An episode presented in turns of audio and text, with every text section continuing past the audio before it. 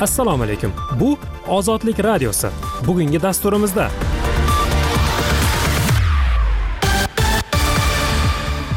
Suriyada terrorchilar safida jang qilgan o'zbekistonlik qo'lga olindi. Istanbulda yana bir o'zbekistonlik qo'lga olindi. Ikki gumonlanuvchi turkiyadan o'zbekistonga deportatsiya qilindi. O'zbekiston qoraqalpog'istondagi ta'qiblarida qozog'istondan yordam olmoqda. Toshkentdagi mansabdorlarga oyda bir kun ishga jamoat transportida borish buyurildi. O'zbekistonda to'rtta aeroport boshqaruvi xususiy sektorga beriladi. Armaniston rossiya yetovida bo'lgan kxshtdagi ishtirokini muzlatib qo'ydi. Bayden navalniy o'limi ortidan putinga qarshi kiritilajak sanksiyalarni ochiqlamoqchi. Moskvaning o'yinlari qozonda ochilgan kelajak o'yinlari qanday musobaqa? Shuningdek dasturimizdan dunyo va mintaqa hayotiga oid yangiliklar o'rin olgan.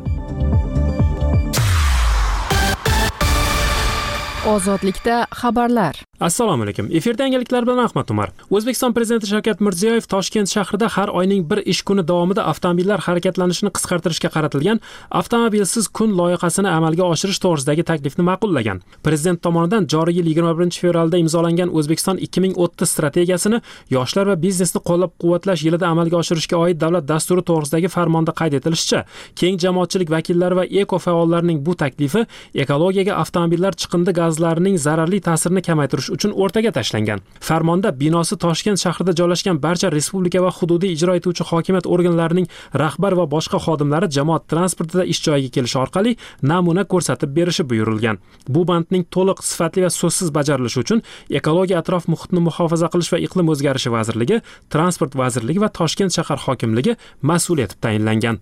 O'zbekistonda buxoro namangan urganch va andijon aeroportlari xususiy boshqaruvga berilib modernizatsiya qilinadi.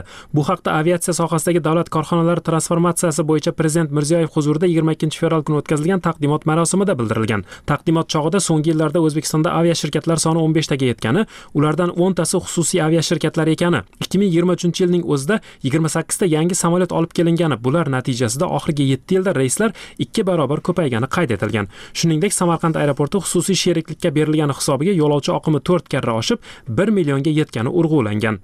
Turkiyaning istanbul shahrida o'zbekiston ichki ishlar vazirligi tomonidan xalqaro qidiruvga berilgan bir ming to'qqiz yuz to'qson to'rtinchi yilda tug'ilgan san'at sharipov ushlangan.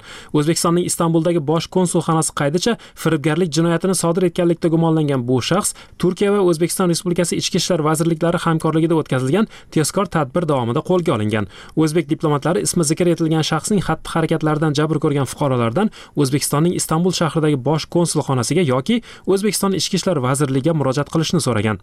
Avvalroq bosh konsulxona firibgarlikda gumonlanayotgan saydumarhom musayev hamda odam savdosida gumonlanayotgan munisaxon alijonova turkiyadan o'zbekistonga deportatsiya qilingani haqida ma'lumot tarqatgan. Aqsh prezidenti jo bayden muxolifatchi aleksey navalniy o'limi ortidan yigirma uchinchi fevral kuni rossiya prezidenti vladimir putinga qarshi sanksiyalar joriy etilishini e'lon qildi. Bu haqda cnn telekanali xabar qildi. Bayden muxolifatchining o'limi uchun putin mas'ulligini bildirgan. Aqsh prezidenti mazkur bayonotni navalniyning bevasi yuliya va qizi darya bilan bo'lib o'tgan uchrashuv ortidan bergan. Men navalniyning xotini va qizi bilan uchrashib uning mislsiz jasoratli odam bo'lgani haqida bildirish sharafiga noil bo'ldim degan bayden. Aqsh prezidenti muxolifatchining bevasi bilan uchrashuvdan keyin o'ziga bu ayolning kurashni davom ettirishi ayon bo'lganligini bildirgan. Armaniston rossiya yetovida bo'lgan kollektiv xavfsizlik shartnomasi tashkilotidagi ishtirokini muzlatib qo'ygan. Bu haqda armaniston bosh vaziri nikol pashinyan frans yigirma to'rt telekanaliga bergan intervyusida ma'lum qilgan. Pashinyan boshqa gaplar qatorida moskva bir necha oy avval armaniston aholisini ochiqdan ochiq hukumatni ag'darib tashlashga chaqirganini aytgan. U o'ziga qarshi moskva propagandasi tinmayotganini qo'shimcha qilgan. Shuningdek pashinyan ukrainadagi urushga bormaslik uchun armanistonga qochib kelgan rossiyalik dmitriy setrakovning ikki ming yigirma uchinchi yil dekabrda qo'lga olingani yuzasidan tashvish izhor etgan. Huquq faollari setrakov rossiyalik politsiyachilar tomonidan tutib ketilgani bu esa qonunga xilof ekanini bildirishgan edi. O'shanda armaniston rasmiylari bunga izoh berishmagan biroq endilikda pashinyan buni odam o'g'irlash deb atagan. Muxolifatchi aleksey navalniyning onasi lyudmila navalniyaga o'g'lining jasadi ko'rsatilgan. Bu haqda u yigirma ikkinchi fevraldagi video murojaatida ma'lum qilgan. Bungacha siyosatchining haqiqatdan o'lganini davlat rasmiylaridan boshqa biror mustaqil manba tasdiqlagan emas edi. Lyudmila navalnaya o'g'lining jasadi o'ziga yigirma birinchi fevral oqshomida salixard shahri morgida ko'rsatilgani biroq jasad oilaga berilmaganini bildirgan. Navalnayaga ko'ra uni o'likxonaga yashirincha olib borib o'lim haqidagi guvohnomaga imzo qo'ydirishgan. Ular jasadni bermay o'g'limni qayerda qachon va qanday dafn qilish borasida shart qo'yib qonunni buzishyapti degan lyudmila navalnaya. Ayolga ko'ra tergovchilar uning oldida yo kremldan yoki tergov qo'mitasi markaziy idorasidan ko'rsatma olib turishgan. Ular dafn marosimining hech qanday vido marosimisiz yashirincha o'tkazilishini istashyapti. Qo'yib bersangiz o'zlari biror bir yerga ko'mib yuborishsa lekin men bunga rozi bo'lmayman degan navalnaya o'g'lining dafn marosimi ommaga oshkor yo'sinda o'tkazilishini xohlayotganini ta'kidlagan. Xabarlar bilan tanishdingiz bu va boshqa yangiliklar ozodlik nuqta org saytida. Eksklyuziv xabarlar radio eshittirish foto va video lavhalarni kundalik ravishda mobilingizda kuzatishni istasangiz bizni telegram ilovasida bir so'z bilan ozodlik kanali deb qidiring. O'zbekiston siyosat. O'zbekiston qoraqalpog'istondagi ta'qiblarda qozog'istondan yordam olmoqda. Tafsilotlar bilan gulasal. O'zbekiston fuqarosi aqlbek muratbay o'tgan yili qozog'istonning eng yirik shahri olmaotadagi o'zbekiston konsulligiga taklif qilinib o'zbek diplomatidan xavotirga soladigan maslahat olganini aytdi. O'zbekiston bosh konsuli maslahatchisi bo'lmish o'sha diplomat muratbayni qoraqalpog'iston haqidagi gaplarida ohangni yumshatish kerakligini aytib ogohlantirgan.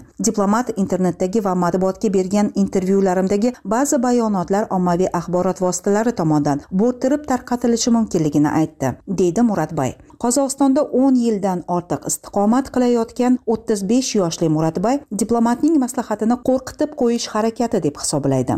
U 2022 yil avgust oyida qoraqalpog'istonda o'zbekiston konstitutsiyasiga hududning maqomi yuzasidan kiritilayotgan o'zgartirishga qarshi norozilik namoyishlari boshlangandan bir oy o'tib o'zbek diplomatlari uning do'stiga gapi ohangini yumshatishni maslahat berishgan ekan. Ikki haftadan kamroq vaqt o'tgach uning do'stini qozoq politsiyasi hibsga oldi va u ozod etilgunga qadar roppa rosa bir yil qamoqda o'tirdi. Bosh konsul maslahatchisi tabassum bilan javob qaytardi va menga xavotirga o'rin yo'q dedi deydi muradbay o'sha paytda qozog'iston ommaviy axborot vositalari tomonidan e'lon qilingan izohlarda. Muradbayning o'tgan hafta o'z uyida hibsga olingani keyin esa hafta oxirida olmaotadagi tergov izolyatorida saqlangani faolning xavotiri asosli ekanligini ko'rsatadi. Uning advokat advokati inara masanovaning aytishicha uning 15 fevral kuni hibsga olinishiga o'zbekiston rasmiylari tomonidan ommaviy tartibsizliklarga chaqirish va jamoat tartibini buzish ayblovlari sabab bo'lgan. Muratbay olmaotadagi vaqtinchalik hibsxonaga o'tkazilgan 17 fevraldagi yig'ilishda masanovaning dastlabki 40 kunga qatnashishi taqiqlangan. X sobiq twitterga yozgan inson huquqlari bo'yicha advokat stiv svetlov it mutaxassisi muradbayning ekstremizmda ayblanib hibsga olinishini bema'nilik deb atadi. Qoraqalpog'iston inqirozi boshlangandan beri deyarli ikki yil ichida qoraqalpog'istonning aqlbeknikidan ko'ra aniqroq professionalroq ovozi yangramadi deydi janubiy kaliforniya universiteti o'qituvchisi svetlov. Afsuski qozog'iston avvalroq hibsga olingan va ekstraditsiya qilinish tahdidi ostida bo'lgan qoraqalpoq faollaridan birortasiga haligacha boshpana bergani yo'q. Garchi ularni majburan qaytarmagan bo'lsa ham qochqinlarga xalqaro qo'llashdan bosh tortmoqda. Aqlbek bugungi kunga qadar kuzatilgan eng katta sinov bo'ladi deya qo'shimcha qildi svetlov. O'zbekiston rasmiy bayonotlariga ko'ra 2022 yil 1 va 2 iyul kunlari qoraqalpog'istondagi misli ko'rilmagan tartibsizliklar chog'ida kamida 21 kishi halok bo'lgan asosan tinch aholi. Venada joylashgan yevrosiyo huquqlari uchun inson huquqlari tashkiloti homiyligida hisobot e'lon qilgan inson huquqlari tashkiloti o'lganlar soni bundan uch barobar ko'proq ekanligini aytadi. O'tgan yili o'zbekistonda lekin qoraqalpog'istondan tashqarida bo'lib o'tgan sudda besh yuzdan ortiq kishi hibsga olindi. O'nlab kishilar qamoqqa hukm qilindi. O'lim va jarohatlar bilan yakunlangan zo'ravonliklarda ishtirok etgan harbiy xizmatchilarga nisbatan jinoyat ishlari qayd etilmagan. Qon to'kilgandan ko'p o'tmay o'zbekiston prezidenti shavkat mirziyoyev zo'ravonlik o'zbekiston hududiy yaxlitligiga tajovuz qilish va millatlararo nizo keltirib chiqarishni ko'zlagan chet el yovuz kuchlari tomonidan yillar davomida tayyorlanganini aytdi. Mirziyoyev inqiroz avjiga chiqqandan keyin qoraqalpog'istonning referendum bilan ajralib chiqish huquqini yo'qqa chiqaruvchi tuzatishlarni bekor qilishni buyurdi. Ammo zarar allaqachon yetkazilgan edi. Mirziyoyev xorijiy yovuz kuchlar haqida gapirganda hech qachon mamlakat nomini aytmagan bo'lsa ham o'zbekiston rasmiylari tez orada e'tiborni toshkent bilan rasmiy aloqalari juda yaxshi bo'lgan qozog'istonga qaratdi. Qozoqlar va qoraqalpoqlar yaqin til va madaniy aloqalarga ega. Qozog'iston ikki millionga yaqin aholi istiqomat istiqomat qiladigan va o'zbekiston hududining beshdan ikki qismini tashkil qiladigan hudud bilan chegaradosh bo'lib hozir qoraqalpoq diasporasining tabiiy maskaniga aylangan. Zo'ravonliklardan so'ng murodbay va boshqa diaspora vakillari qozog'iston milliy xavfsizlik davlat qo'mitasi vositachiligida o'zbekiston va qoraqalpog'iston huquq tartibot idoralari vakillari ishtirokidagi muzokaralarga shuningdek o'zbek diplomatlari bilan uchrashuvlarga chaqirilgan. O'shanda murodbay diasporaning faol a'zosi bo'lib olmaotada etnik madaniy uchrashuvlar uyushtirgan. Ammo keskin siyosiy bayonotlar berishdan o'zini tiygan. U 2022 yil kuzida diasporadagi hamkasblari hibsga olingandan keyingina taktikani o'zgartirdi. Ikkita akkaunt yaratdi va inqirozdan keyin so'z erkinligi keskin cheklangan qoraqalpog'iston haqida qozog'iston va xorijiy matbuotga muntazam intervyu berib turdi. U so'nggi marta ozodlikka 1 fevral kuni hibsga olinishidan ikki hafta oldin qoraqalpog'istonda hukumatning yoshlarga qarshi shafqatsiz kampaniyasi haqida aytib bergan edi.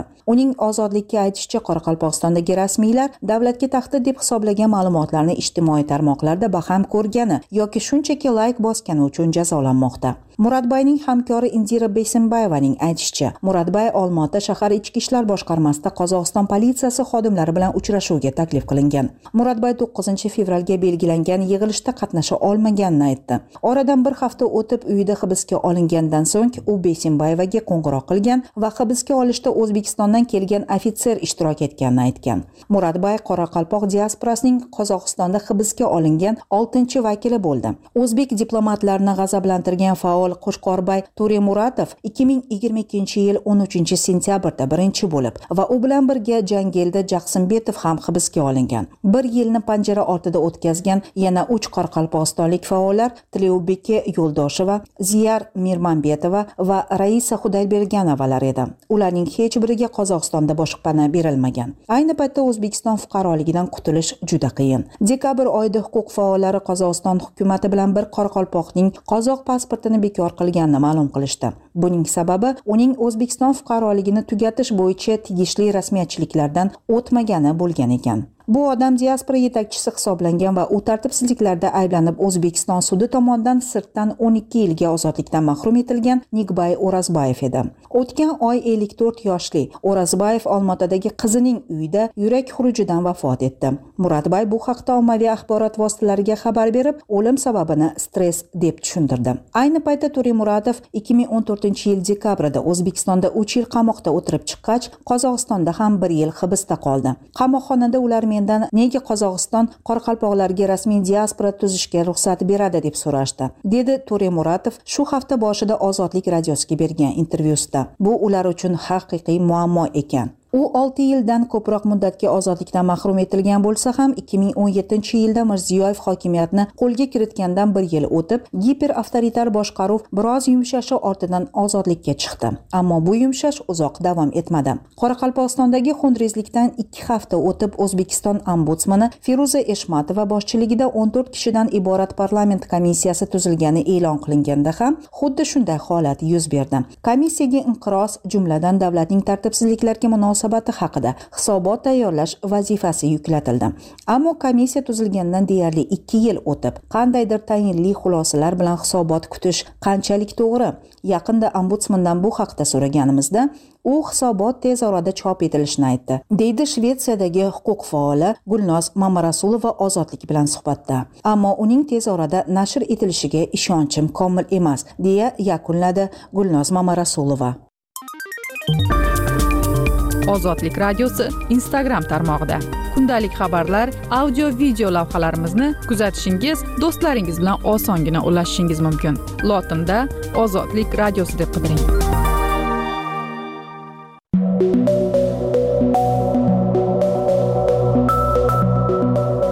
Ozodlik radiosi voqealar tahlili. Moskvaning o'yinlari. Qozonda ochilgan kelajak o'yinlari qanday musobaqa? Mavzu tafsilotlari bilan ahmad umar. Ukrainaga keng ko'lamli bosqindan so'ng rossiya ko'plab xalqaro sport tadbirlaridan quvildi. Endi u o'z o'yinlarini tashkil qilib unga do'st mamlakatlarni jalb qildi. Ushbu musobaqalarda ishtirok etish markaziy osiyo mamlakatlariga qanday ta'sir etishi mumkin? 21 fevral kuni rossiyaning qozon shahrida kelajak o'yinlari boshlandi. Ularda markaziy osiyo davlatlari terma jamoalari qatnashmoqda. Ochilish marosimida putin bilan bir qatorda o'zbekiston prezidenti shavkat mirziyoyev qozog'iston rahbari qosim jomart to'qayev tojikiston prezidenti emomali rahmon va qirg'iziston prezidenti sadir japarovlar ishtirok etdi. Mirziyoyev 2026 yildagi o'yinlarni o'zbekistonda o'tkazishni taklif qildi. Rossiya hukumati o'yinlarda 107 davlatdan sportchilar ishtirok etishini ma'lum qildi. Qozondagi musobaqalar jismoniy disiplina e sport sun'iy intellekt axborot texnologiyalari virtual dunyo va dron poygalarini qamrab oladi. Misol uchun fijital xokkey musobaqasida sportchilar birinchi navbatda kompyuterda xokkey o'ynadi. So'ng musobaqani maydonda davom ettiradi. O'z xalqaro musobaqalarini o'tkazish g'oyasi putinga tegishli. 2023 yil mayida u hukumatga tanklar olami va kemalar olami kabi onlayn o'yinlarni o'z ichiga olgan butun rossiya kibersport turnirini tashkil etishni topshirdi. Keyin rossiyada onlayn o'yinlar ishlab chiqaruvchi lesta games vakili gavhar aldiyarova ushbu o'yinlarda do'st davlatlar ishtirok etishi mumkinligini aytdi. Eslatib o'tamiz rossiya aloqani rivojlantirish milliy instituti qozog'istonni 2023 yil fevralida do'st davlatlar qatoriga kiritgan edi. 2022 yil 24 fevralda rossiyaning ukrainaga bostirib kirishi ortidan xalqaro olimpiya qo'mitasi va xalqaro paralimpiya qo'mitasi rossiya va belarusni musobaqalardan chetlatdi. 2022 yil mart oyida pekinda boshlangan paralimpiya o'yinlarida rossiya va belarus delegatsiyalari ishtirok etganiga qaramay ular musobaqada ishtirok etmadi. Ushbu cheklovdan keyin rossiya va belarus rasmiylari o'z musobaqalarini tashkil qila boshladilar. O'tgan yili moskva o'z o'yinlarini o'tkazishini e'lon qildi. Masalan rossiya 15-29 sentyabr kunlari moskva va yekaterinburgda jahon do'stlik o'yinlarini tashkil etishga hozirlik ko'rmoqda. Buning uchun 8 milliard rubl sarflaydi. Rossiya sport saytlari ushbu o'yinlar haqida hozirgi paytdagi eng ko'zga ko'ringan loyiha deb yozmoqda. Ma'lum qilinishicha parij olimpiadasidan bir oy o'tib rossiyada bo'lib o'tadigan do'stlik o'yinlarida 70 davlatdan 7900 nafarga yaqin sportchi 33 sport turi bo'yicha bellashadi. Musobaqalarda qatnashadigan xorijlik sportchilarning yo'l va turar joy xarajatlarini moskva to'laydi. Rossiya rasmiylari pul mukofotlari va xarajatlarining qoplanishi xorijlik sportchilarni rag'batlantiradi deb umid qilmoqda. Ammo musobaqada ishtirok etuvchi mamlakatlarning to'la ro'yxati hali noma'lum. Do'stlik o'yinlari bu sovetcha o'tmishga ishora. Sovuq urush davrida sovet ittifoqi 1984 yilgi los anjeles olimpiadasini boykot qildi va sotsialistik mamlakatlar o'rtasida do'stlik o'yinlarini o'tkazgan edi. Xalqaro olimpiya qo'mitasi prezidenti tomas bax rossiya hukumati siyosiylashgan musobaqani o'tkazmoqchi deb yozdi. Qo'mitaning milliy olimpiya qo'mitalari bilan aloqalar bo'yicha direktor jeyms maklaud dunyo mamlakatlarini rossiyaning ushbu tashabbusidan ehtiyot bo'lishga chaqirdi va agar ishtirok etishsa chora ko'rilishi mumkinligiga ishora qildi. Xalqaro olimpiya qo'mitasining butunjahon do'stlik o'yinlaridagi har qanday ishtiroki nafaqat qo'mita ijroiya kengashining rossiyada o'tkaziladigan xalqaro sport tadbirlariga oid 2022 yil 25 fevraldagi tavsiyasiga balki olimpiya harakatining mustaqillikni asrash bo'yicha jamoaviy maqsadiga ham ziddir deb ogohlantirdi maklaud butunjahon antidoping agentligi bosh direktori olivye nigli rossiya antidoping agentligi maqomi tufayli moskva bunday o'yinlarni o'tkazish huquqiga ega emas dedi. Qozog'istonlik sport jurnalisti akiris seyitkazining ozodlik qozoq xizmati bilan suhbatda aytishicha qozog'istonning rossiya uyushtirayotgan o'yinlarda ishtirok etishi mamlakatga zarar yetkazishi mumkin. Yaxshisi qozog'iston bunday o'yinlarda qatnashmasa zaxira jamoasini ularga yubormasa edi. Chunki hozir rossiyada o'tkaziladigan hech qanday musobaqa xalqaro olimpiya qo'mitasi va jahon tashkilotlari tomonidan tan olinmaydi. Qozog'iston rossiyadagi tan olinmagan musobaqalarda qatnashib obro'siga putur yetkazadi. Jahon tashkilotlari bilan munosabatlari yomonlashishi mumkin. Chunki rossiyadagi butun vaziyat ularning kuzatuvida deydi u. Qozog'iston sport va turizm vazirligi sport qo'mitasi matbuot kotibi ayan to'lagan ozodlik bilan suhbatda qozog'istonning rossiya tashkil etgan do'stlik o'yinlaridagi ishtiroki haqida hozircha hech narsa ma'lum emas dedi. Do'stlik o'yinlari haqida hali aniq emas ular taqvimga kiritilmagan. Ular haqida hozircha aniq ma'lumotlar yo'q. Bu yil bizning ustuvor vazifamiz parijdagi olimpiada va paralimpiya o'yinlaridir deydi u. Sport sharhlovchisi akiris seyitkazining fikricha qozog'iston ehtiyotkorlik bilan harakat qilishi mumkin. Kelajak o'yinlari dasturidagi kompyuter musobaqalari olimpiya o'yinlari dasturiga kiritilmagan. Xalqaro olimpiya qo'mitasi kelajak o'yinlari haqida hech narsa demadi. Shuning uchun prezident to'qayev navbatdagi kelajak o'yinlarini shu yerda o'tkazishni taklif qildi. Do'stlik o'yinlariga kelsak hamma narsa mumkin. Qozog'iston rossiya tufayli xalqaro olimpiya qo'mitasi bilan munosabatlarni buzadi deb o'ylamayman. Do'stlik o'yinlarida qatnashsak o'z pozitsiyamizni aniq ko'rsatamiz deydi u. Qozog'istonlik siyosatshunos emil jo'rayevning ozodlikka aytishicha rossiya markaziy osiyo davlatlari prezidentlarini bunday musobaqalarga taklif qilish orqali ushbu o'yinlarni legitimlashtirmoqchi. Bundan tashqari rossiya 12-23 iyun kunlari qozon shahrida briks mamlakatlari o'yinlarini o'tkazmoqchi. Moskva briks o'yinlarida istalgan davlat ishtirok etishi mumkinligini ma'lum qildi.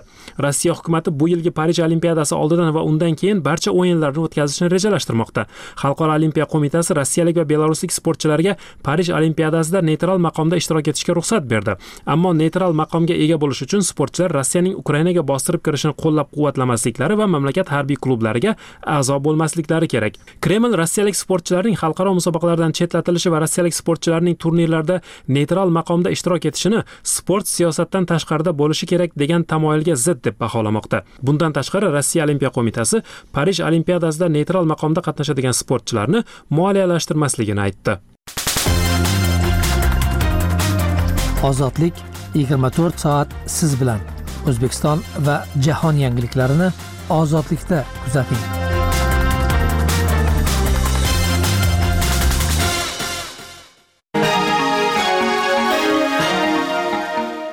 Ozodlik videolarini audio formatda tinglang.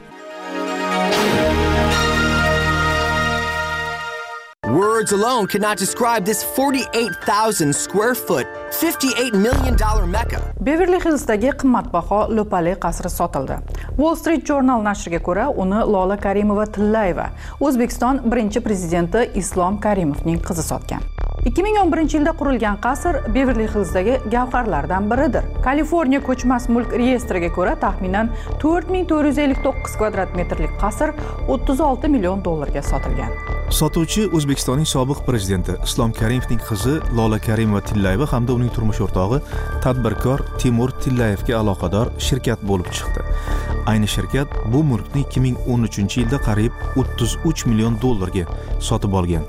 Xaridorning shaxsi esa noma'lum nashrning yozishicha tillayevlar izoh so'rab qilingan murojaatlarga javob berishmagan. Sobiq prezidentning qizi va sobiq diplomat karimova tillayeva hozir xayriyachi. Parfyumeriya kompaniyasining asoschisi har holda kompaniya saytida shunday deyilgan.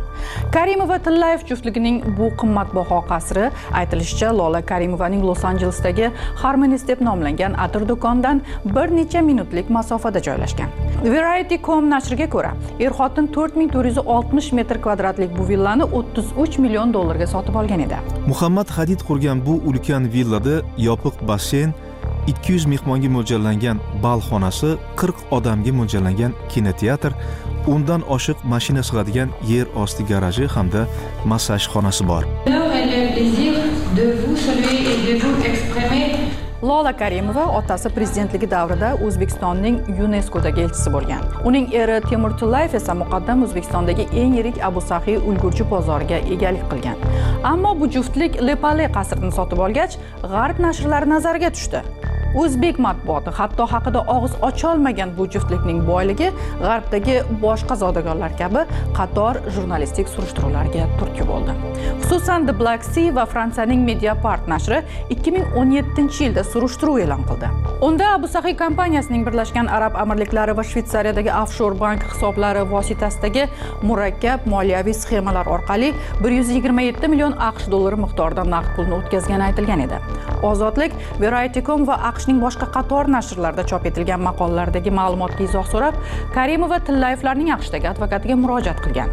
Yozma murojaatda ozodlik xususan 2014 yil yozida biravarakayiga sotib olingan uch qimmatbaho villaga to'langan pulning qayerdan olingani bu pullarning black sea va mediapart surishtiruvida aytilgan 127 millionlik naqd pulga aloqasi bor yo'qligi qolaversa bu villalarning nima uchun aynan hozir biravarakayiga sotuvga qo'yilganini so'ragan edi.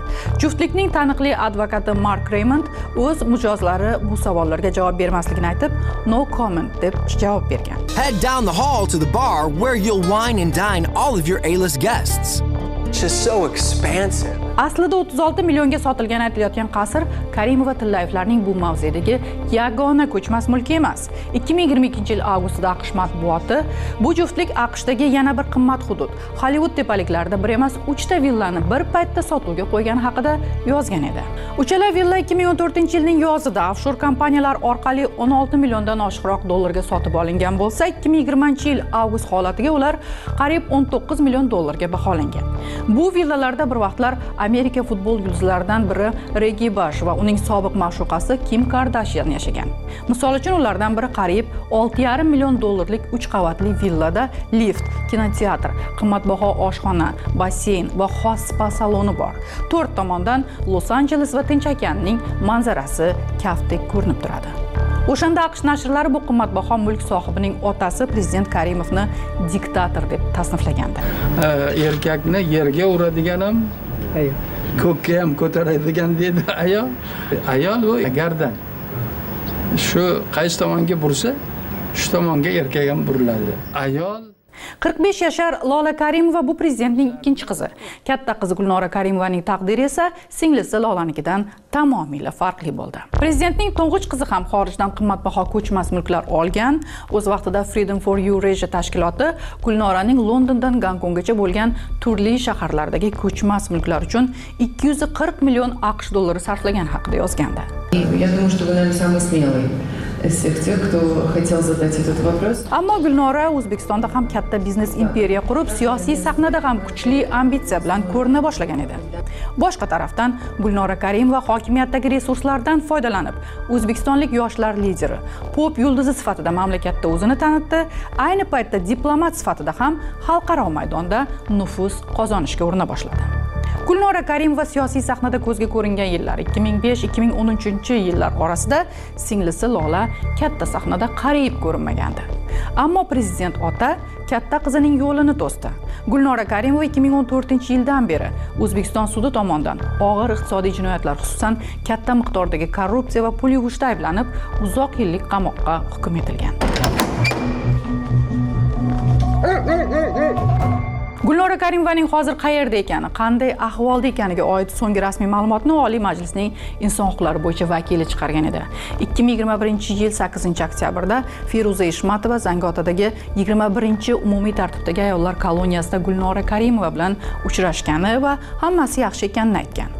Ozodlik manbalari keyingi paytlarda qizi imon karimovaning o'zbekistonga serqatnov bo'lib qolgani sababi onasi gulnora karimovaning 2023 yil yozda uy qamog'iga chiqarilgani deb iddao qilishadi. Ammo bu xabar rasman tasdiqlanmagan. Gulnoradan farqli singlisi lola karimova tillayeva va turmush o'rtog'i xorijdagi hayoti o'zbekistondagi biznesini ham tinchgina davom ettirgan edi. Ular aqsh fuqaroligini olganini ham bildirgan. To lolaning prezident otasi vafot etgunicha. 2016 yilda islom karimov o'lib uning o'rniga shavkat mirziyoyev prezidentlikka kelgach bu tinchgina o'zan oqimi o'zgardi. Ayniqsa timur tillayev uchun. Islom karimov boshqaruv paytida timur tillayev tomonidan 2006 yilda tashkil etilgan abu sahiy shirkati o'zbekistonga import tovar kirituvchi eng yirik kompaniya edi. Toshkent g'arbidagi 25 gektarlik hududda ayni nomda bozor ochilgan va u nafaqat poytaxt balki butun o'zbekistonni import bilan ta'minlaydigan gigantga aylangandi. Aholi ehtiyoji uchun zarur bo'lgan mahsulotlarni mamlakatimizga import qilish faqat ayrim guruhlar qo'lida to'planib ular uchun mo'may daromad manbaiga aylanib kelgani adolatdan deb bo'lmaydi.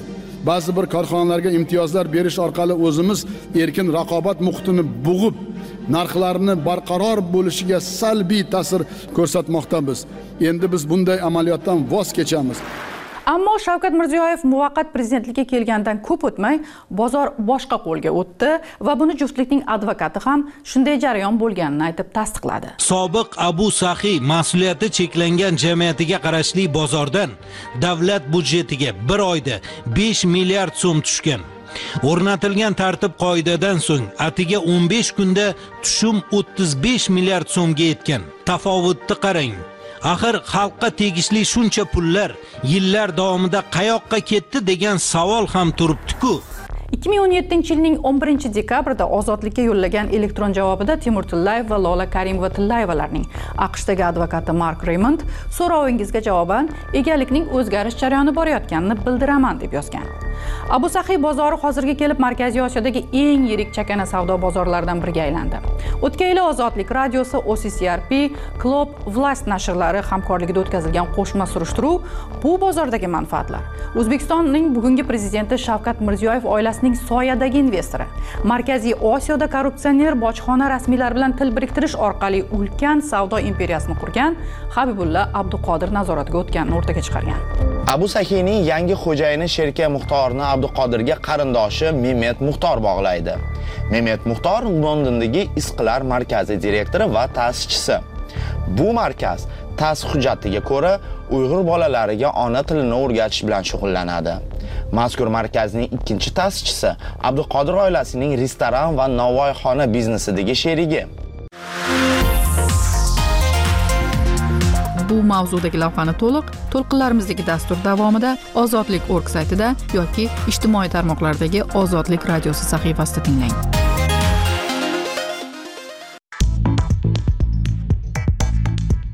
Ozodlik whatsapp va telegramda plyus to'rt yuz yigirma yetti yuz yigirma to'rt to'qqiz yuz yetmish bir besh yuz o'ttiz to'qqiz plyus to'rt yuz yigirma olti yuz ikki olti yuz o'n ikki yetti yuz o'n uch.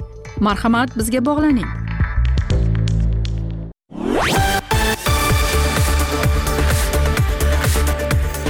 Suriyada terrorchilar safida jang qilgan o'zbekistonlik qo'lga olindi. Istanbulda yana bir o'zbekistonlik qo'lga olindi. Ikki gumonlanuvchi turkiyadan o'zbekistonga deportatsiya qilindi. O'zbekiston qoraqalpog'istondagi ta'qiblarida qozog'istondan yordam olmoqda. Toshkentdagi mansabdorlarga oyda bir kun ishga jamoat transportida borish buyurildi. O'zbekistonda to'rtta aeroport boshqaruvi xususiy sektorga beriladi. Armaniston rossiya yetovida bo'lgan kxshtdagi ishtirokini muzlatib qo'ydi. Bayden navalniy o'limi ortidan putinga qarshi kiritilajak sanksiyalarni ochiqlamoqchi. Moskvaning o'yinlari qozonda ochilgan kelajak o'yinlari qanday musobaqa? Shuningdek dasturimizdan dunyo va mintaqa hayotiga oid yangiliklar o'rin olgan.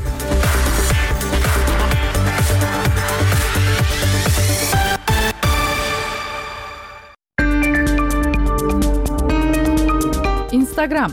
Ozodlik mushtariylari soni shiddat bilan oshib borayotgan ijtimoiy tarmoqlardan biridir. Kundalik xabarlar yangiliklar audio video lavhalarimizni kuzatishingiz o'z munosabatingizni bildirishingiz do'stlaringiz bilan osongina ulashishingiz mumkin. Ozodlik radiosi instagram tarmog'ida. Lotinda ozodlik radiosi deb qidiring.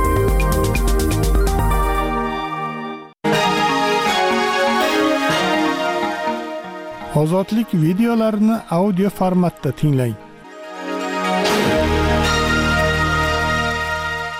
Soxta obro' orttirish ketidan quvib ketayotgan o'zbekiston hukumati dunyodagi eng yirik onlayn ensiklopediya hisoblanadigan vikipediyani tahrir qilishga kirishdi. Xorijiy tillarda ham o'zbekiston haqidagi ma'lumotlarni joylashtirish topshirig'ini berarkan yo'nalishga ushbu maqsadlar uchun 10 milliard so'm mablag' yo'naltirilishini ta'kidladi tahrir uchun yollangan volontyorlar hukumat haqidagi tanqidiy faktlarni o'chirib maqtovlarni bo'rttirmoqda. Vikiganda guruhi tadqiqotchilari aynan shunday xulosaga kelgan. Bu guruh dunyodagi eng ommabop sanalgan wikipedia ensiklopediyasidagi soxtakorliklarga qarshi kurashib keladi.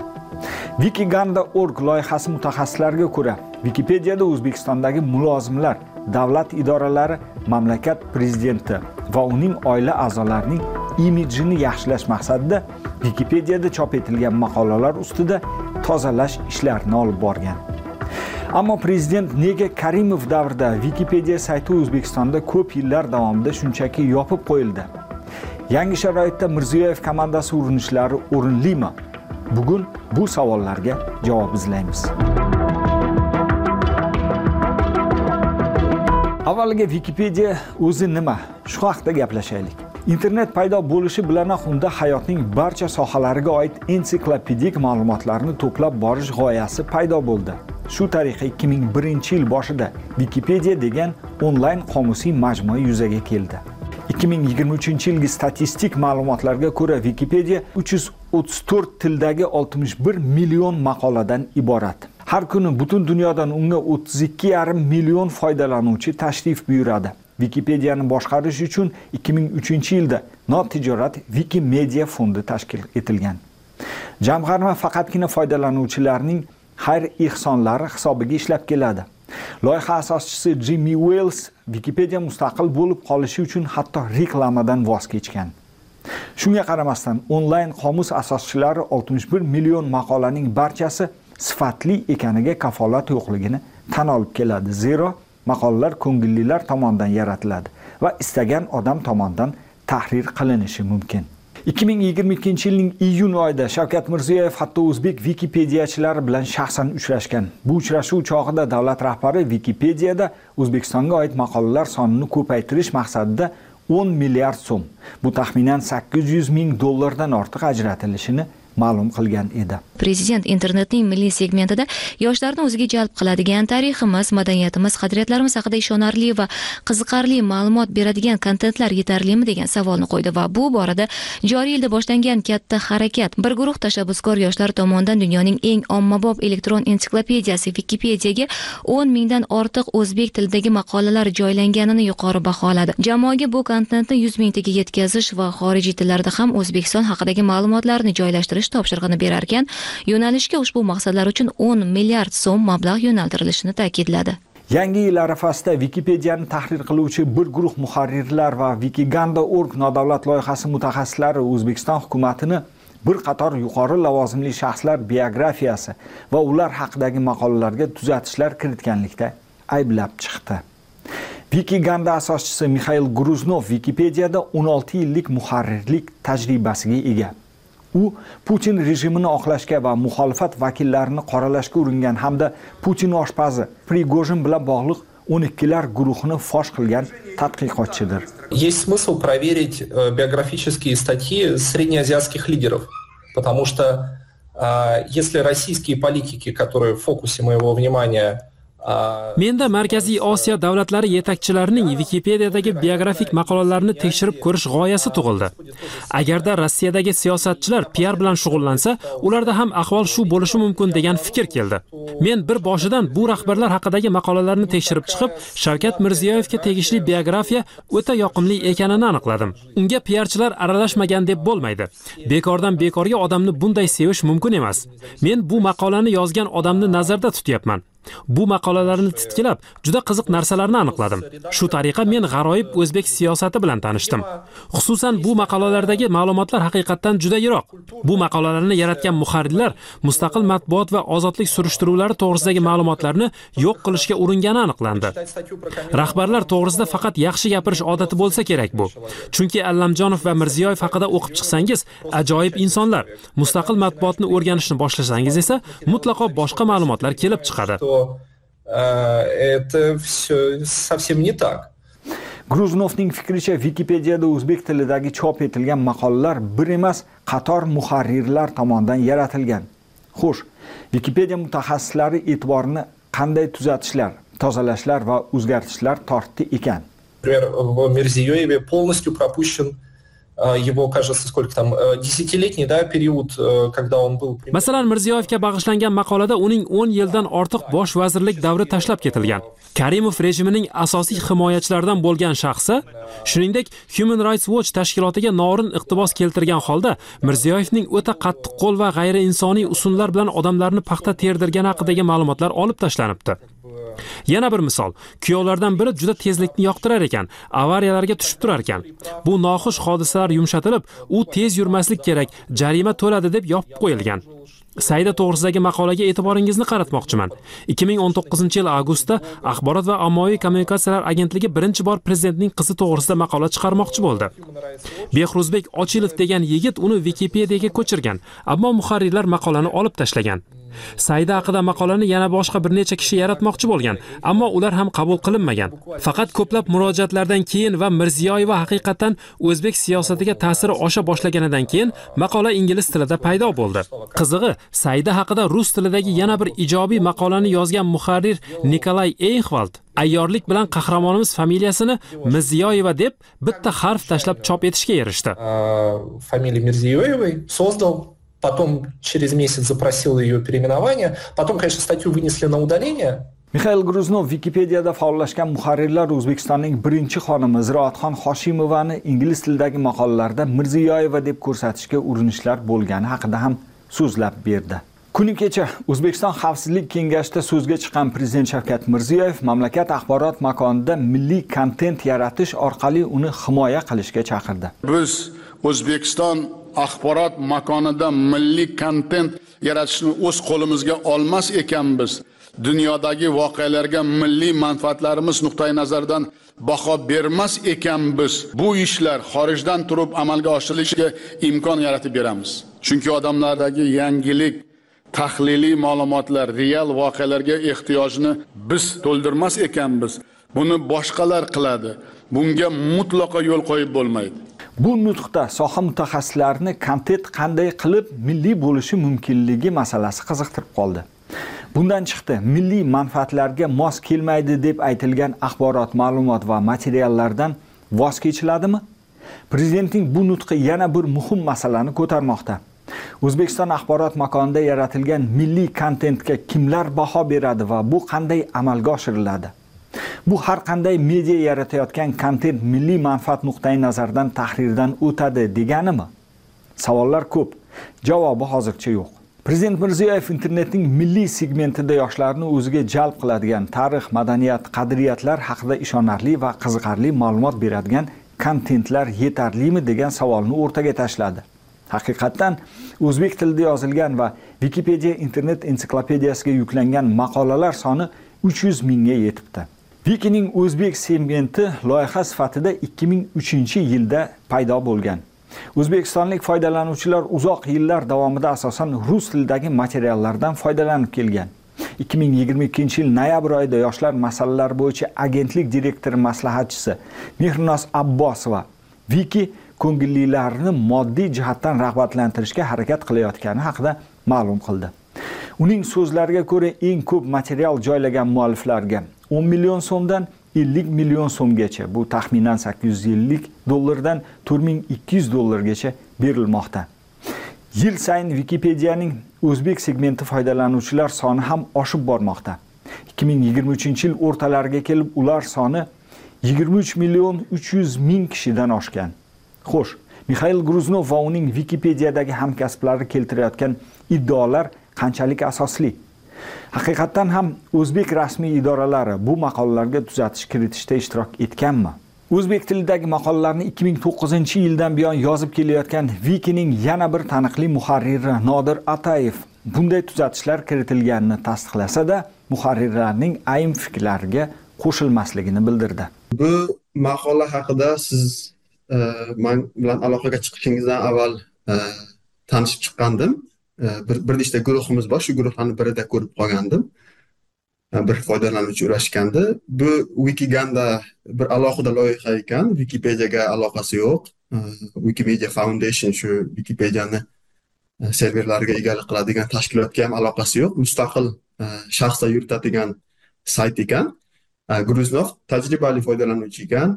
Ko'proq shu e, wikipediyada bir qandaydir ezgu maqsadni ko'zlamasdan bir Э, g'aliz niyatda yoki biron bir piar yo'lida turli xil taniqli shaxslar e, haqidagi maqolalar e, muayyan tarzda tahlil qilishini kuzatib borar ekan. O'zbekistondagi e, yuqori lavozimli shaxslar haqida qiziqib qolib shu maqolani yozibdi sheriklari bilan.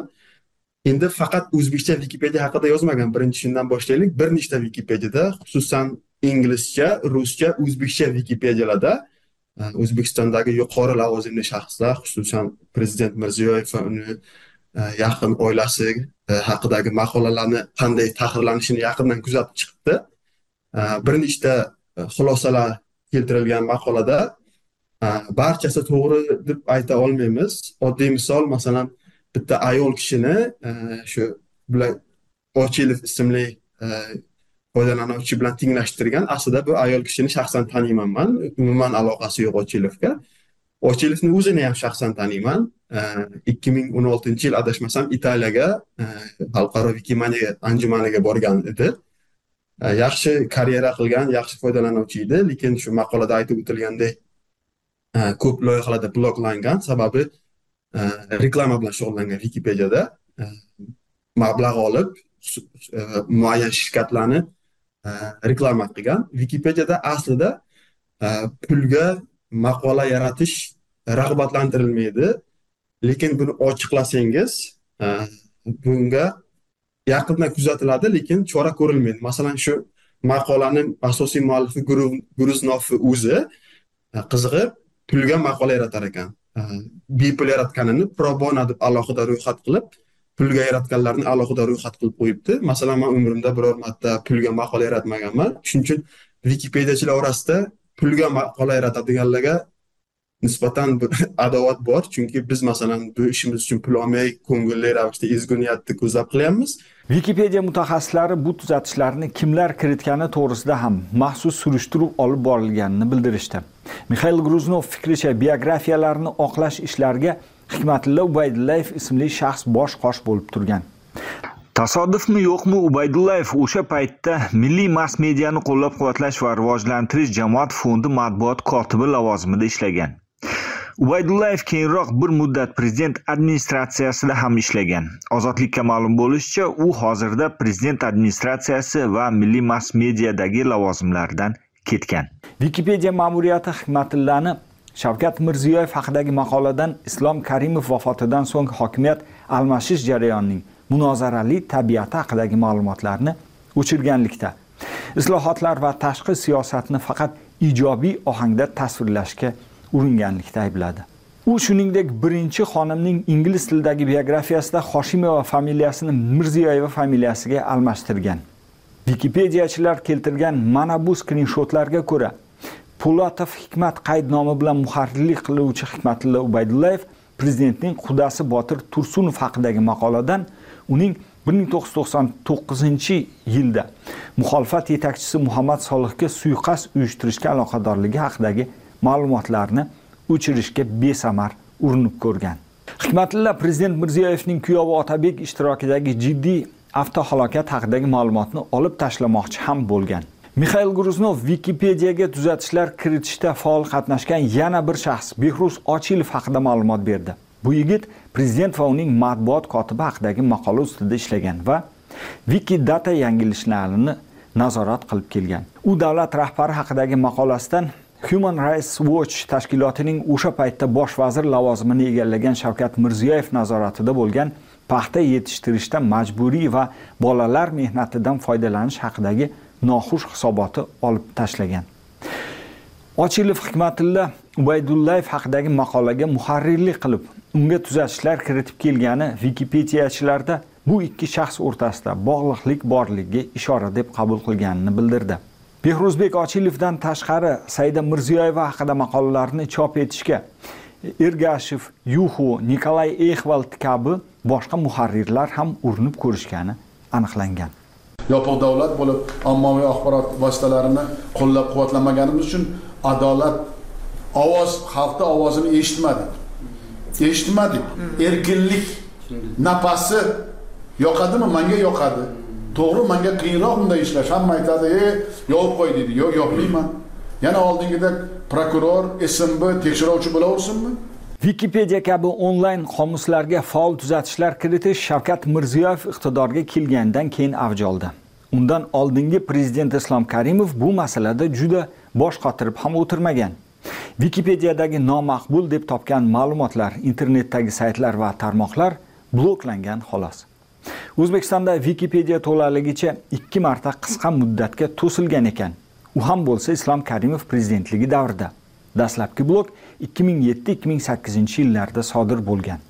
Manga ma'lum bo'lishicha birinchi 2007-2008 yillar oralig'ida qisqa muddatga to'silgan qaysi tillardagi versiyalar to'silgan e, bilmayman.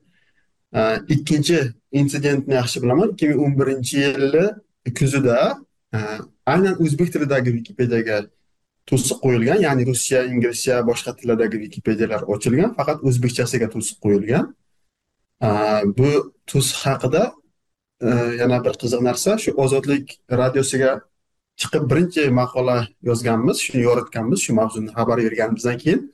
Juda ko'p xorij nashrlari bu haqida yozganini eslayman aslida kuzda to'silgan lekin biz fevralda maqola yozganmiz birinchi marta. Ozodlikka man shu aloqaga chiqib shu haqida yoritsak shuni yoritsak bo'ladi deganimdan keyin e, ko'p e, xorijlik nashrlar yozgan. Endi sababi albatta bu muhim savol. Sababi nimada? Aniq javobimiz yo'q. Turli xil antropologlar turli xil shu harakat a'zolari turli xil fikrlarni bildirganlar. Masalan sara kenziyor degan antropolog shunchaki o'zbekiston hukumati o'z kuchini ko'rsatmoqchi bularni nazarida o'zbek tilidagi barcha kontent bularni boshqaruvda bo'lishi kerak degan taxminni ilgari surgan lekin biron bir fakt yoki asossiz wikipediachilarni o'zimizni ichimizda yana bitta taxmin bor ikki ming o'n birinchi yil bir necha marta tatyana karimova haqida shu vikipediya talablariga javob berilmaydigan maqola yaratilgan ayniqsa o'zbek tilida oxirgisi masalan juda haqoratomuz so'zlar bilan yigirma sakkizinchi oktyabrda o'zbek tilida birov shu karimov tatyana karimovani haqoratlab o'zini demokrat qilib ko'rsatadi lekin aslida diktator ohangida va so'kinish so'zlarini yozib qisqa sahifa yaratgan. Albatta biz buni o'chirganmiz. E, lekin faol odam oz bo'lgani uchun manimcha biroz muddat saqlanib qolgan o'chirilguncha. Balki shu turtki bo'lgan bo'lishi mumkin lekin boya aytib o'tganimdek bu shunchaki taxmin. Vikipediyani o'zbekistonning tabiati turizmi madaniyati san'ati sporti iqtisodiyoti va boshqa sohalarga oid maqolalar bilan to'ldirish ishlari respublikaning barcha vazirlik va idoralari tomonidan ikki ming o'n yettinchi yildan boshlab amalga oshirilmoqda ekan. Bu shavkat mirziyoyev tashabbusi bilan mamlakat hukumati tomonidan tasdiqlangan internet tarmog'ida milliy kontentni yanada rivojlantirish bo'yicha kompleks dasturda ko'zda tutilgan. Internet jahon axborot tarmog'ida milliy kontentni rivojlantirish bo'yicha kompleks dastur vazirlar mahkamasining 625 son qarori bilan 2017 yilda tasdiqlangan. O'tgan 5 yil davomida wikipediyaga o'zbekistonda tabiat obyektlari turistik diqqatlarga sazovor joylar amalga oshirilayotgan islohotlar tadbirlar tanlovlar va festivallar haqidagi ma'lumotlar yuklangan. Bu ishga hukumat qarori bilan respublika vazirlik va idoralarining tarkibiy qismlari asosan matbuot markazlari va ilmiy bo'lim mutaxassislari jalb etilgani aytildi. Shuningdek wikipediyaga ma'lumotlarni yuklash ishlariga o'zbekiston oliy o'quv yurtlari faollari va talabalari orasida ko'ngillilar jalb qilindi. Hukumat shu tariqa o'zbekistonning xalqaro maydondagi nufuzini mustahkamlashga davlat imijini yaxshilash orqali jahon hamjamiyatining e'tiborini mamlakatga qaratishga xizmat qilishini ta'kidladi. Biroq mutaxassislar biroz boshqacharoq fikrda. Я думаю, что имидж им важен. Menimcha, O'zbekiston imiji, uning ravnaqi bu odamlarga mutlaqo qiziq emas. Ularga hokimiyat faqat boyish uchun kerak degan xulosa kelib chiqadi. Mirziyoyev boyligi to'g'risida sirni chetga qo'yib turaylik. Uning kuyovlari haddan tashqari boy odamlar ekani to'g'risida faktlar mavjud. Vaholanki O'zbekiston aholisi boy emas. Ularning pullari O'zbekistonda emasligi sababli ular g'arbda yomon imijga ega bo'lishni istamayotir. Ular boyliklari muzlatilmasligi va sanksiyalar kiritilmasligi uchun yaxshi ko'rinishga urinmoqda degan xulosa kelib chiqadi. Xususan, ular shu tariqa mamlakatga yangi investorlarni, kontraktlarni jalb qilish mumkin degan g'oya ham mavjud. Kontrakt еще еще больше денег, да, o'zbekcha wikipediyada wiki stipendiya marafoni doirasida 100 mingdan ortiq yangi maqolalar yaratilibdi. 2023 yil davomida wiki stipendiya marafonining ikkinchi mavsumida wiki tur wiki oromgoh wiki quiz wiki ayollar loyihalari o'zbekiston hududiga oid maqolalar yaratish va tahrir qilish oyliklari statusli maqolalar tanlovi o'zbek tilidagi maqolalarni chet tillarga tarjima qilish marafoni o'tkazib kelindi. Xususan loyihalar natijasida o'zbekcha wikipediyada bugunga qadar 100 mingdan ortiq maqolalar yaratilgan. Shuningdek mingdan ziyod o'zbekistonga oid maqolalar chet tillarga tarjima qilingan. Wikimedia commons internet omborxonasiga erkin foydalanish huquqi bilan 10 mingdan ortiq fotosurat yuklangan. Wiki stipendiya marafonining ikkinchi mavsumi yakunida 52 nafar g'olibga 255 million so'm pul mukofoti topshirildi. Hozirda esa maqolalar soni 250 mingtaga yetmoqda. O'zbekiston respublikasi ekologiya atrof muhitni muhofaza qilish va iqlim o'zgarishi vazirligi wikipediyalar tarmog'ida o'zbekiston 42 o'ringa ko'tarilganini xabar berdi. Onlayn ensiklopediya boshqaruvchilari o'zbekiston hukumat idoralari va davlat bilan hamkorlikda ishlayotgan mutaxassislarning hodisa ma'lumotlarini bo'yab ko'rsatish holatlari wikipediya maqolalari ustidan nazoratni kuchaytirishga undamoqda. Degan fikrda. В конкретном случае, в конкретном случае Википедии э, у меня мысль одна, я ее... Shu bois biz Википедия ustidan siyosatchilar va amaldorlar maqolalari ustidan nazoratni kuchaytirishimiz kerak degan xulosaga keldik. Amaldorlar yaxshi ko'rinib, jamoatchilik fikrini o'zgartirishga urinmoqda. O'zbek jamoatchiligi va ziyolilari ham bu nazoratni amalga oshirishi lozim. Axir bunday noaniq ma'lumotlar mavjudligi ko'pchilikning e'tiboriga tushgandir. Faqat u haqda gapirish bu jamiyatlarda o'ta xavfli bo'lib qoldi. Э, в топе поисковой выдачи, куда приходят люди, журналисты, э, сверяются с биографией. material efirga tayyorlanayotgan paytda wikipedia ma'muriyati o'zbekiston prezidenti shavkat mirziyoyev va uning oilasiga hamda muharrirlar nazoratiga tushgan o'zbekiston bilan bog'liq boshqa qator maqolalar qayta ko'rib chiqilib ular onlayn ensiklopediya tamoyillari asosida qayta yozib chiqilgan va yozilayotganini ozodlikka ma'lum qilishdi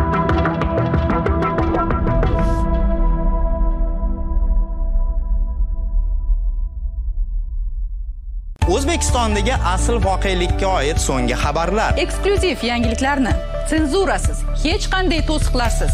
O'qisak ko'rsak tinglasa bo'ladigan mobil ilovangiz bormi? Ozodlikda shunday ilova bor. App store va google playda. Ozodlik radiosi deb qidiring va hoziroq yuklab oling statistikaga ko'ra dunyo bo'ylab har yili 325 ming erkak yurak kasalliklari tufayli vafot etadi. Ayollarda esa bunday holat 52 foizga kam qayd qilingan. Nima uchun erkaklarda yurak kasalliklari ko'p uchraydi? Erkaklar jiddiy e'tibor qaratishi kerak bo'lgan yana qanday kasalliklar bor? Qirg'izistonda e'lon qilingan erkaklar sog'lig'iga e'tibor qaratish oyligi tadbiri bahonasida meni ham ko'rikdan o'tkazishdi. Oxirgi marta qachon ko'rikdan o'tganimni so'ragan shifokor erkaklar vaqtida shifokor ko'rigidan o'tmasligi sog'lig'iga e'tibor qaratmasligini aytib shikoyat ham qilib oldi.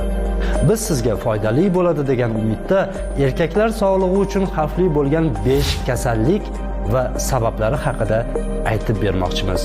Demak boshladik.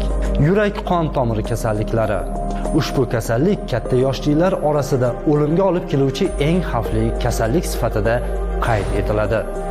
Statistikaga ko'ra 4 nafar erkakdan biri shu kasallikdan jon beradi. Xalqaro yurak federatsiyasi saytida e'lon qilingan taxminga ko'ra 2030 yilda yurak va qon tomir kasalligidan vafot etganlarning soni 23 millionga yetishi mumkin. O'pka saratoni. O'pka saratoni yurak qon tomir kasalliklaridan keyingi yana bir muhim kasallikdir. Ayollarga qaraganda erkaklarda tez tez uchraydigan bu kasallik sezdirmay rivojlanadi. Muntazam nazoratni talab qiladigan kasallik bemorlarning 25 foizida hech qanday alomat keltirmaydi. Qolgan bemorlarda yangi boshlangan yo'tal qon bilan yo'talish va nafas olish qiyinlashuvi kabi alomatlar mavjud bo'ladi. Prostata saratoni prostata saratoni ayniqsa 50 yoshdan oshgan erkaklarda keng tarqalgan kasallikdir. Erkaklarni ko'p bezovta qiladigan bu kasallik o'ziga xos belgilarni ko'rsatmaydi chunki u sekin rivojlanadi. Shuning uchun uni faqat muntazam tibbiy ko'rikdan o'tkazish orqali aniqlash mumkin. Hisob kitoblarga ko'ra bu kasallik yaqin kelajakda har 6 erkakdan birida kuzatilishi mumkin. Yuqori qon bosimi. Yuqori qon bosimi yurak kasalliklari uchun xavf omili hisoblanadi. Dunyo bo'ylab erkaklarda yuqori qon bosimining tarqalishi ayollarga qaraganda biroz yuqori. 1990 yildan 2019 yilgacha yer yuzida yuqori qon bosimi xastaligi bor bemorlar soni 2 baravar ko'payib 650 milliondan 1.3 milliard nafarga yetgan. Qandli diabet. Insulin yetishmovchiligi va organizmdagi insulin qarshiligi diabetga olib keladi. O'z ovqatlanishiga e'tibor bermaydigan yoshi ulg'aygan sari sport bilan shug'ullanmaydigan erkaklarni bezovta qiladigan bu kasallik insondan butun turmush tarzini o'zgartirishni talab qiladi. Yurak qon tomir kasalliklarini ham keltirib chiqaradigan qandli diabet. Ehtiyot bo'lmasa jinsiy hayotga ham salbiy ta'sir qiladi. Kundalik hayotingizda juda oddiy ko'ringan qarorlarni qabul qilish orqali shifokor tekshiruvlardan xotirjamlik bilan chiqishingiz mumkin. Erkaklar uchun xavfli bo'lgan kasalliklar bu bilan tugamaydi ammo biz ularning eng asosiylarini aytib o'tdik. Bu kasalliklarning sababi nima? Kasal bo'lmaslik uchun nimalar qilish kerak? Shifokorning aytishicha kasallik sabablaridan biri bu noto'g'ri ovqatlanish. Биз көбүнчө тузду көбүрөөк колдонуп аткенбиз да. Мына ошол себептүү жүрөк кан тамыр оорулары көбөйүп атат. Тез даярдалуучу фаст фуддар көп болуп атат напиткалар көп болуп атат кола фанта спрайттар консерванттары көп аябай көп. Эме тамак аштар биздин ден соолугубузга аябай чоң зыян келтирип атат да. Ikkinchi omil esa jismoniy harakatning kamligi жумасына эч дегенде жүз элүү саат биз физикалык активдүүлүктө болушубуз керек да. Мына ошол жоктугунан кан айлануу жок болуп жеген тамагыбыз сиңбей азыркы күндө эркектерде эң көп учураган жүрөк кан тамыры менен ожирение сахарный диабет болуп атат yana bir omil esa sigaret va spirtli ichimliklar бул дагы организмге чоң зыянын келтирип атат ошол себептүү бул дагы баягы жугуштуу эмес оорулардын эң чоң факторлорунун бири коркунучтуу факторлорунун бири экен андан кийин алкоголдук ичимдик экен мына ошол дагы эң чоң көп көйгөй туудуруп келатат да shifokorlar erkaklarga to'g'ri ovqatlanishni ko'proq meva va sabzavot iste'mol qilishni tavsiya qiladi. Shuningdek hech bo'lmaganda kuniga piyoda yurish kerak. Sigaret chekish va spirtli ichimliklardan uzoqlashib vaqti vaqti bilan shifokor ko'rigidan o'tib turish kerak deydi.